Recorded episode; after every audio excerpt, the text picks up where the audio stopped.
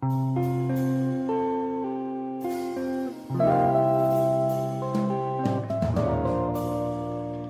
getuig om de glorie en eer aan onze God te geven. Door middel van de gave van profetie heeft God altijd tegen mij gezegd dat ik in elke situatie, vooral in moeilijke momenten, tot Hem moet bidden en dat Hij me zou helpen.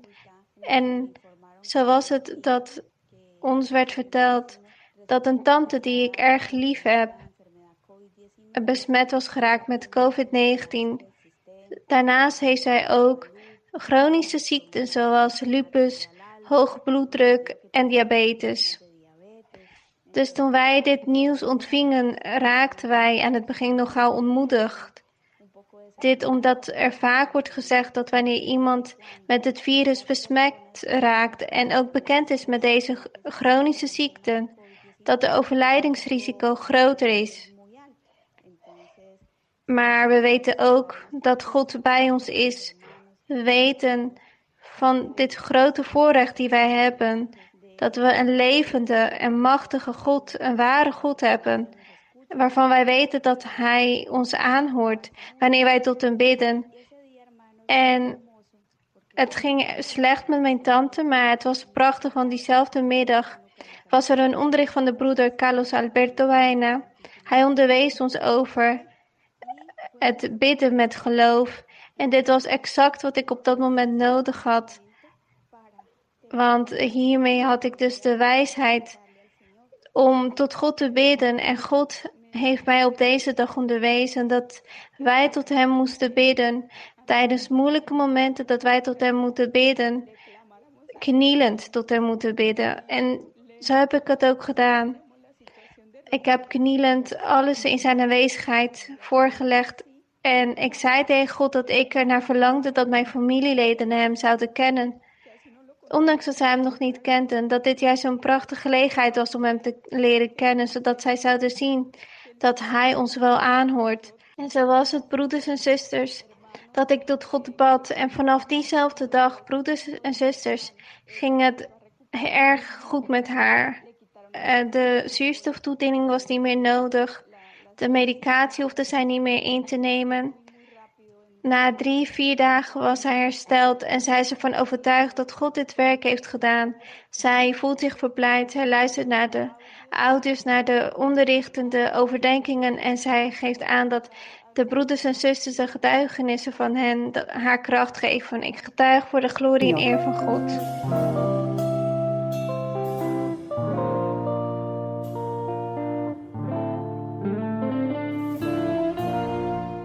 Broeders en zusters, God zegen jullie. Ik wil getuigen dat de Heer zich heeft gemanifesteerd in de gezondheid van mijn schoonmoeder. Die zelf een persoon is die niet samenkomt in de kerk en een meningsverschil met ons had omdat wij naar de kerk komen. God verrichtte een wonder in haar gezondheid. Zij werd met hevige buikpijn op de spoedeisende hulp geholpen en is 18 dagen opgenomen geweest.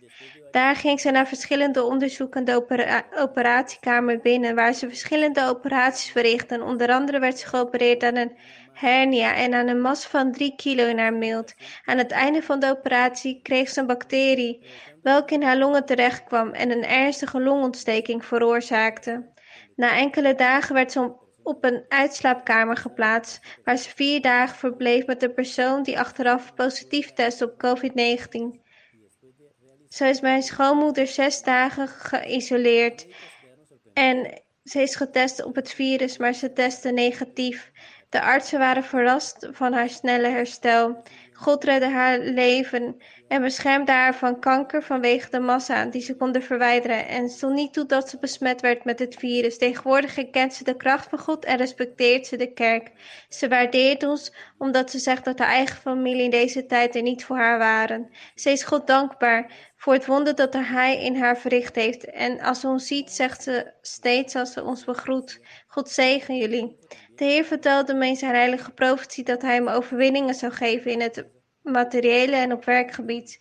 Ik werkte in een bedrijf en deze betaalde me het minimumloon in deeltijd uit. Ik herinner de Heer constant aan zijn belofte om een, me een betere baan te geven, aangezien het geld dat het bedrijf me betaalde niet genoeg was. Er kwam een tijd dat de werklast te hoog werd en ik hem niet meer aankon. En het bedrijf belde mij om van werkomstandigheden te veranderen. En ik dacht dat het een zegen van God zou zijn, maar zo was het niet. Ze besloten mij van de loonlijst te verwijderen en mijn contract te bieden voor het verlenen van professionele diensten, waarbij ik nog steeds de zorgverzekering moest betalen en geen recht had op reiskostenvergoeding. Ik stemde ermee in omdat het in een dorp moeilijk is om werk te krijgen en als professional werk te krijgen. En ook omdat ik degene ben die mijn gezin onderhoudt. Ik ging naar huis en bad tot God en vertelde hem over alles wat ik meemaakte. En ik zei dat ik bleef vertrouwen in zijn beloften. Ik zette mijn hart erop toe om van de onderrichten en overdenkingen te genieten. In mijn huis bleven de Heer prijzen. En samen met mijn vrouw heb ik ook de beslissing genomen om internet te installeren. Om te kunnen genieten van alle onderrichten gegeven door onze zuster Marisa. Na een, na maand komt de pandemie en sluit het bedrijf waar ik werk. Zo zie ik de hand van de Heer, omdat ze alle werknemers hebben ontslagen die op de loonlijst stonden. En ik de enige ben die nog werk, omdat ze een professioneel nodig had om een exportadministratie bij te houden. Nadat er vier maanden zijn verstreken, bellen ze me in juli vanaf het kantoor van de burgemeester om een contract met hen te ondertekenen voor zes maanden. En daar houdt de zegening niet bij op. Want ik heb net een derde contract getekend waar ik eerst moeite had om één baan te hebben. Heb ik nu drie banen in een tijd van pandemie. Alles is mij door de Heer gegeven en ontbreekt me aan niets. Dit getuig ik om de naam van onze Heer te eren en te verhogen.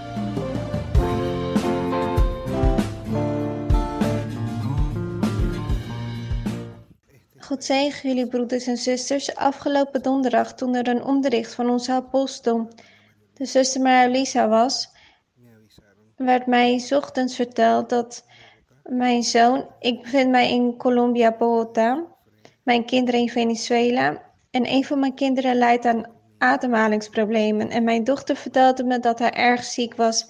Hij alle symptomen van COVID-19 had en dat ze hem naar een ziekenhuis moesten brengen, maar dat dit erg lastig was vanwege de omstandigheden in Venezuela. Is het daar lastig om toegang te hebben tot een ziekenhuis. Zoals jullie kunnen begrijpen was mijn wanhoop groot, omdat ik mijn zoon ver weg had.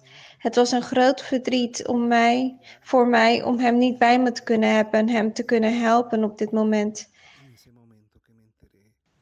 Toen ik erachter kwam, viel ik op mijn knieën en bad ik tot God. Ik zei hem genade te hebben met mijn zoon, hem niet in de steek te laten. Hem niet te laten sterven. Ik vroeg hem mij te helpen. Op de avond dat de zus onderwees, bad ik ook veel. En op het moment van het laatste gebed dat de zuster deed, vroeg ik God opnieuw op mijn knieën om mijn zoon niet in de steek te laten. Ik vroeg hem om genade. Na het onderricht van de zuster belde mijn dochter mij op en ze vertelde me dat ze hem naar de dokter hadden kunnen brengen. En toen ze daar aankwamen, voelde hij zich veel beter. Zelfs de dokters vertelden hem dat zijn saturatiewaarde normaal was. Ze zeiden dat ze hem moesten testen op COVID-19. De volgende dag kon mijn dochter, die de zorg draagt voor haar broers en grootmoeders, wat geld verkrijgen voor de kliniek. Ze hebben, ze hebben op COVID-19 getest en nog meer onderzoeken verricht. Daaruit bleek dat er een kleine infectie was, maar hij testte negatief op COVID. Mijn zoon heeft niets. God hielp mijn zoon. Hij had genade met hem, over hem. Mijn zoon ondergaat momenteel een medische behandeling. Het gaat beter dankzij God. Als het niet door de barmhartige hand van God was geweest, weet ik niet wat er was gebeurd met mijn zoon. Dit getuig ik omdat we een grote God hebben. Een God die leeft, een God die krachtig is en een God die naar zijn kinderen luistert. Geprezen is onze God. Alle lof, alle eer en alle glorie zij aan Hem.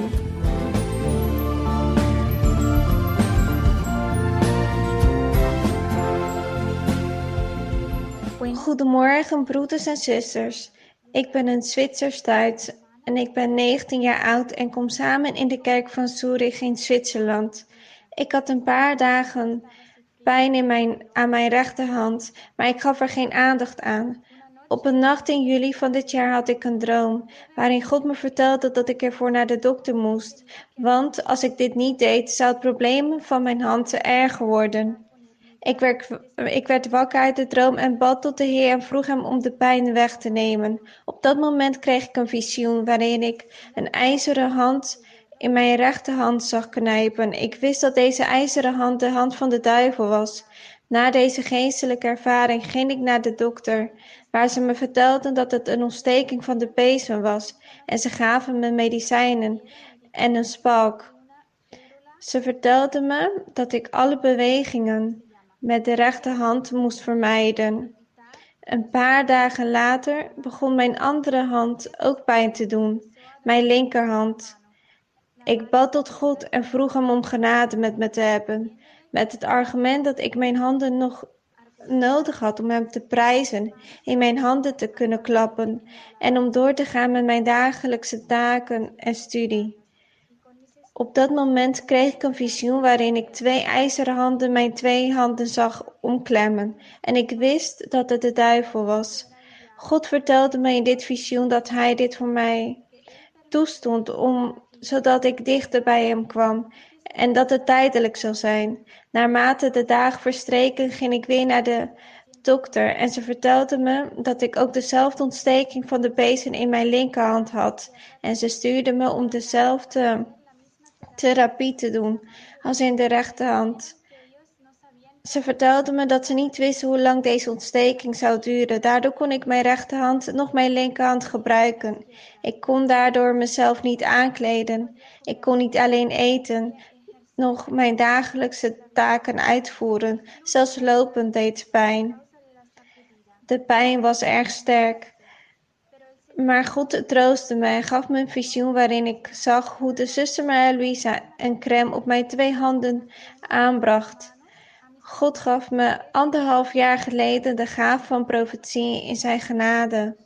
En midden in een gebed dat ik in deze dagen van mijn ziekte in mijn kamer verrichtte, nam de God des hemels mijn lippen en vertelde me in profetie dat ik me geen zorg moest maken om mijn studie.